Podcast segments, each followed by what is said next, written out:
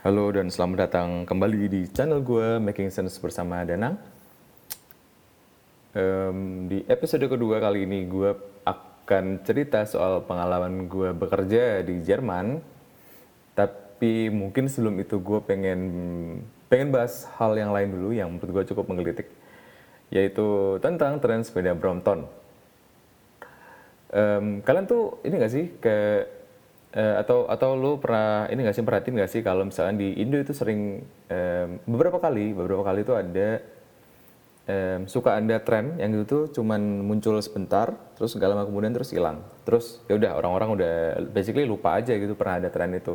Dulu gue ingat banget waktu masih kecil waktu kalau nggak salah zaman-zaman gue SMP waktu itu ada tren tanaman gelombang cinta kalau nggak salah. Itu gila itu tanaman harganya bisa mahal banget bisa ratusan juta terus eh, dulu juga pernah. Ya, oh gue juga ingat banget waktu itu almarhum nenek gue sampai mengkoleksi juga tanaman-tanaman yang harganya bisa sampai jutaan itu. Yang menurut gue juga waktu itu udah nggak make sense karena ya udahlah bentuk ya mungkin kayak orang eh, ini kayak ngelihatnya kayak wah ini tanaman ini istimewa ada warna-warna tertentu atau apa. Tapi yang menurut gue nggak make sense karena itu basically kan tanaman ya. Kenapa sih kok bisa itu itu nggak jelas banget sih. Terus em, kalau misalnya kalian ingin juga ada tren batu akik ya kan? Gue inget banget waktu itu ketika lagi ada tren ini em, waktu itu gue mudik ke ke rumah nenek almarhum eh, nenek gua waktu itu waktu nenek gua masih hidup. Jadi waktu itu kumpul keluarga besarnya bokap gua. Terus kocaknya adalah semua orang itu banyak banget saudara-saudara gue yang pakai pakai batu akik dari em, om gua pak ale gua sampai pak ade gua sampai sepupu gua itu yang kayak dia masih SM apa ya atau SMA waktu itu dia pakai batu akik kayak itu nggak jelas banget sih itu nggak jelas banget. Karena semua orang itu tiba-tiba pakai batu akik kayak tidak mengenal umur itu juga menurut gua aneh. Dan itu kan gak lama kemudian juga hilang ya isunya kayak tiba-tiba hilang aja dan udah gitu. Dan ketika waktu itu juga em, bisa lo perhatiin juga di pinggir-pinggir jalan suka ada kan orang jualan batu akik atau kayak ngasih servis buat ngasah batu akik lah apa segala macam itu. Ya itu itu sempat populer banget dan baca-baca berita juga bahwa banyak orang jualan batu akik yang itu harganya sampai mahal banget kan sampai ratusan juta. Yang kedua terus eh, ada lagi nih tren sepeda Brompton ya. Itu em, ini udah nggak make sense sih menurut gua. Karena ini, ini mungkin guanya aja nggak tahu. Atau eh, gue kurang ngobrol-ngobrol apa gimana. Cuman kayaknya sih gua nggak melihat ada hal yang sama ya di sini ya. Maksudnya dengan orang-orang lokal gitu. Tiba-tiba ada sesuatu yang ngetren terus semua orang eh, ngikutin sampai harga barang itu tuh jadi ikutan mahal karena demandnya besar tapi supply-nya belum tentu banyak. Gue belum tahu sih cita-cita eh, ini em, kayak hal serupa terjadi di masyarakat Jerman. Cuman ya cuman yang gue perhatiin adalah ini terjadi di sama masyarakat Indo gitu. dan ini menurut gue sebuah hal yang eh, goblok menurut gue kenapa goblok? Nah ini karena gini karena gue ngerasa gue ngerasa eh, ketika ini terjadi dan orang-orang itu berbondong-bondong untuk membeli barang apa pun yang lagi keren itu tidak ada yang berusaha bertanya kenapa sih? Dan buat apa gitu loh. Jadi ya udah ketika lo mau beli ya emang karena itu pada saat itu lagi keren atau lagi tren gitu kan? Jadi tidak berusaha untuk eh, bertanya lebih lanjut. Dan kalau misalnya dari si kita bahas dari segi utilitas juga itu nggak terlalu make sense apalagi dari ini ya sepeda Brompton ya. Kecuali lo emang ini sih itu eh, menurut gue make sense kalau lo emang suka sepeda. Tapi kalau misalnya lo em, kayak cuma ngikutin tren dan lo rela ngeluarin duit banyak untuk itu tanpa bertanya lebih lanjut menurut gue itu inilah eh, nggak smart lah itu ya karena gini, eh, harga sepeda Brompton itu satu mahal, ya kan? Itu kayak bi- bisa 1.300-an euro, setahu gua 1.200, 1.300. Yang mana itu tuh cuman sepeda lipat.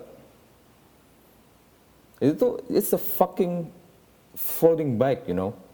Itu kayak cuma sepeda lipat yang lo mau pakai ngebut juga nggak bisa paling itu kan sebenarnya gini sebenarnya kan sepeda lipat itu berguna kalau misalnya lu pakai untuk eh, commuting kan. Dalam artian lu eh, bawa sepeda lipat itu terus lu lu kombinasikan dengan misalnya lu naik kereta atau lu naik busway atau segala macam. Cuman nggak tahu ya. Gue nggak tahu sih gue nggak tahu uh, realitinya um, para pembeli sepeda Brompton ini itu beneran gitu kah atau emang beneran memanfaatkan itu untuk komuter apa gimana cuman menurut gue itu nggak make sense.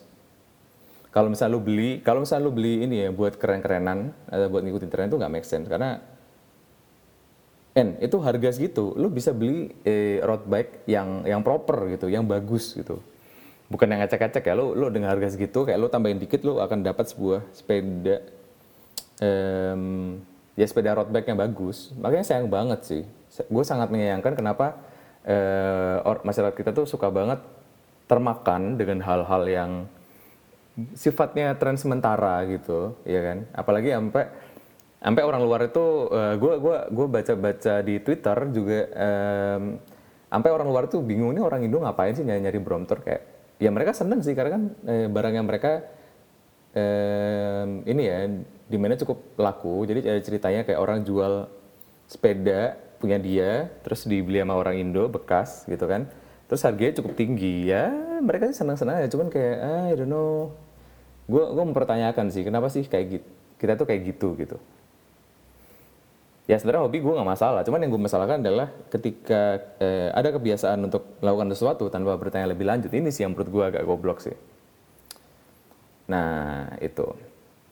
Um, oke okay, anyway oke okay, gue uh, marah-marahnya cukup. Nanti kalau misalnya gue bahas lagi gue akan makin emosi karena ya gue gue um, kayak ke, ke kepikiran untuk ngomong ini karena kemarin gue lagi sepedaan sama teman gue terus somehow topik ini topik ini come up aja terus ini gue menggelitik gue sampai gue marah-marah di Twitter ya kan? Ya begitulah.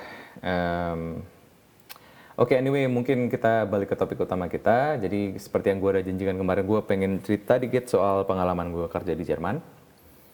Yang um, yang mana uh, gue sempat ada di posisi hmm, gimana ya posisi tanda tanya di eh, pekerjaan gue sekarang dan itu tuh gue rasa itu adalah sebuah pembelajaran yang cukup baik buat gue sih um, ya mungkin mungkin um, buat ngasih gambaran dulu uh, ke lulu pada. Jadi gue gue gue join di company gue yang sekarang ini di posisi junior. Jadi kayak entry level. Nah jadi um, gue ngerasa ketika gue pindah ke sini itu tapi ini ini sih gue ini adalah sebuah insight yang gue tahu setelah gue setelah gue uh, ngalamin dan gue uh, selesai um, gue selesai ngalamin. Jadi basically ini adalah sesuatu yang gue tahu setelah itu selesai jadi um, dan sesuatu yang gue nggak sadar pas itu kejadian jadi waktu itu sebenarnya gue uh, gue gue kondisinya adalah gue cukup um, kesepian dan de, ada ada gejala-gejala depresi. Jadi gue tahu ini karena gue baca buku uh, emotional self health. Jadi um, sekitar dua bulan lalu, tiga bulan lalu, gue baca-baca itu dan gue bisa yakin banget bahwa gue belum pernah ke psikolog sih. Karena jujur aja gue takut, gue takut, gue takut banget ke, ke, ke psikolog. Mungkin gue um, mungkin sih kali gue takut kalau misalnya gue ke psikolog terus gue nanti diulik-ulik segala macam bakal ketahuan kalau gue banyak uh, kekurangan segala macam dan itu membuat gue takut. Tapi anyway gue baca buku uh, emotional um, kalau nggak salah emotional first aid. Ya sorry tadi gue gue salah gue salah sebut judulnya jadi di situ tuh ada disebutin um, ciri-ciri orang uh, yang kesepian. Dan itu tuh uh, ketika gue baca itu itu uh, cocok banget dengan apa yang terjadi di diri gue. Jadi kayak wow gue tidak sadar sebenarnya. Selama ini gue kesepian. Dan ya yeah, anyway um, ketika gue pindah ke sini sebenarnya gue dalam kondisi yang cukup uh, stres dan kesepian. Dan itu tuh somehow ngaruh banget ke performance gue di ketika gue bekerja dan ditambah lagi waktu itu gue ada stres yang disebabkan oleh masalah keluarga di rumah. Jadi itu membuat gue ketika gue cerita sama orang gue selalu bilang bahwa gue waktu itu ada dalam zombie mode. Jadi gue bilang ini zombie mode karena basically yang terjadi adalah um, gue ngerasa kayak zombie. Jadi gue bangun tidur gue berangkat kerja gue naik kereta untuk berangkat kerja gue sampai kantor gue kerja um, gue sampai kantor terus gue biasanya kalau misalnya pagi itu gue ada daily stand up jadi di- daily stand up ini kurang lebih kayak 15 menit meeting harian gitu untuk sinkronisasi. Jadi gue jadi biasa sih itu semacam report harian. Hari ini eh, report harian ke masing eh, ke ke tim. Hari kemarin gue ngapain terus hari ini gue rencana mau ngapain. Kalau misalnya ada kesulitan nanti kita eh, kita bilang di situ. Jadi nanti kita sinkronisasi segala macam ada di situ. Jadi gue datang ya gue ikutan meeting terus gue kerja lagi tuh dan dan gitu aja terus. Tapi dalam artian gue nggak 100% aware tentang apa yang terjadi.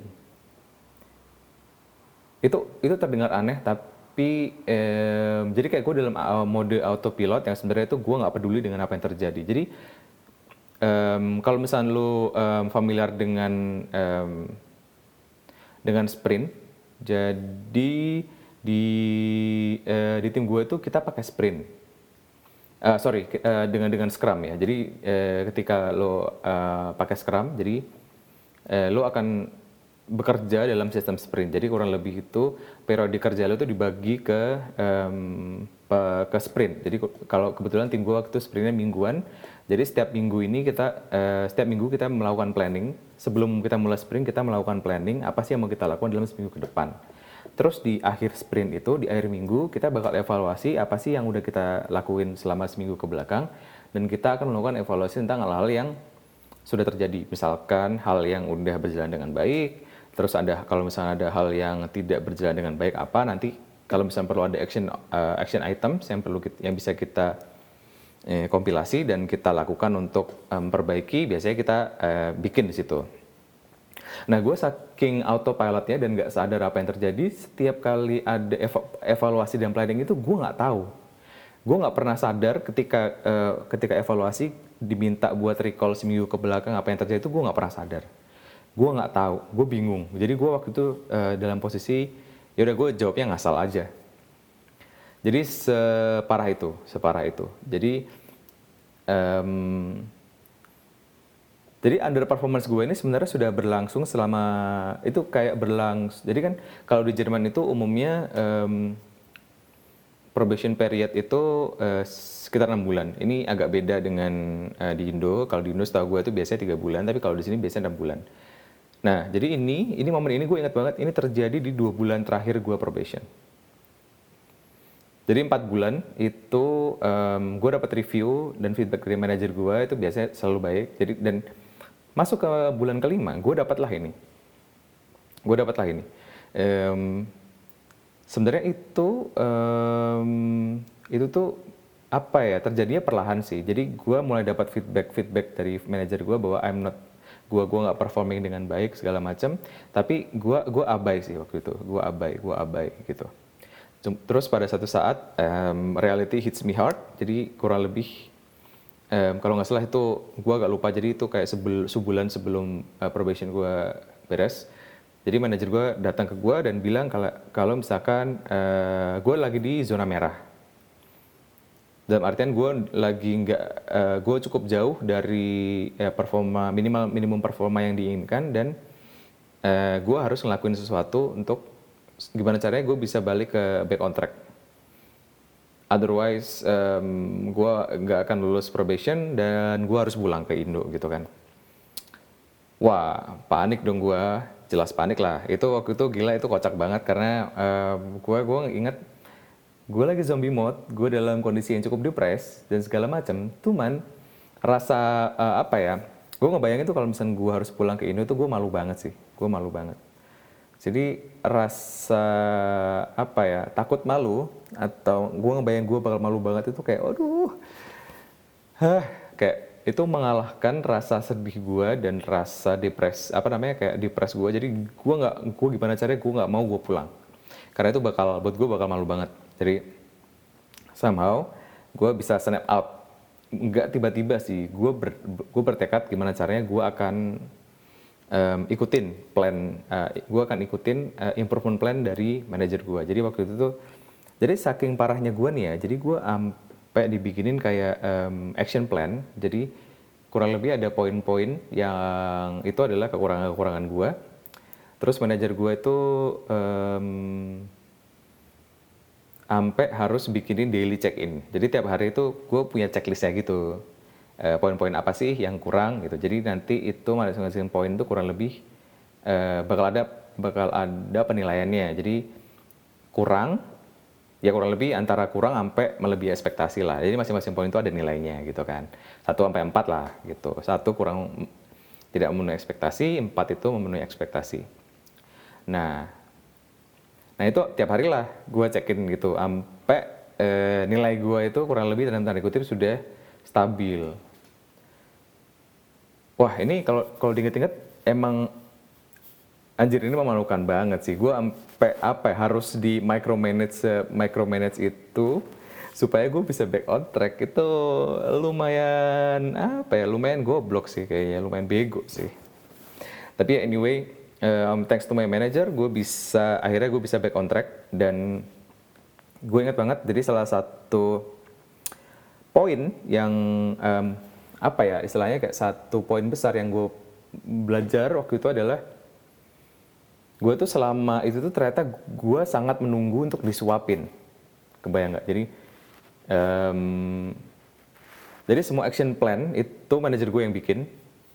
Karena karena gue gue bener-bener lost track apa yang terjadi gue nggak tahu gue nggak pernah kebayang gue akan ada di posisi itu. Gue tuh karena sebelumnya gue ngerasa gue ini hebat I'm awesome segala macam. Jadi nggak mungkin lah gue ada di posisi ini. Tapi ternyata nggak juga loh itu kayak itu itu plot twist yang cukup gede lah buat gue dan cukup mengejutkan. Jadi ya mungkin karena kaget juga jadi gue nggak bisa apa ya gue nggak bisa grasping reality gitu loh. Kebayang nggak sih? Kayak wah ini apa?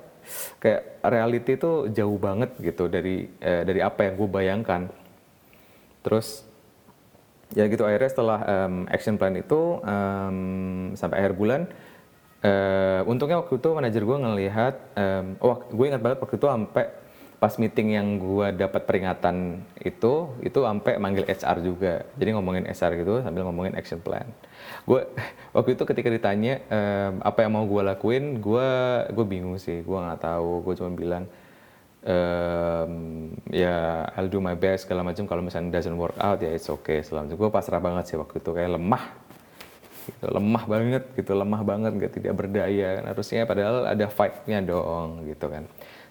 Um, ya tapi anyway um, setelah itu action plan itu segala macam udah dibikin gue udah mulai stabilize. Um, dan kebetulan waktu itu gue setelah gue membaik dan akhirnya um, ya kurang lebih eh, nilai-nilai di eh, action plan itu udah gue udah membaik udah udah stabilize akhirnya gue dilepas lah gue dilepas dan waktu itu gue balik ke Indo. Gue balik ke Indo karena uh, liburan juga dan ya udah emang emang di encourage juga sama manajer gue untuk liburan. Akhirnya gue liburan lah.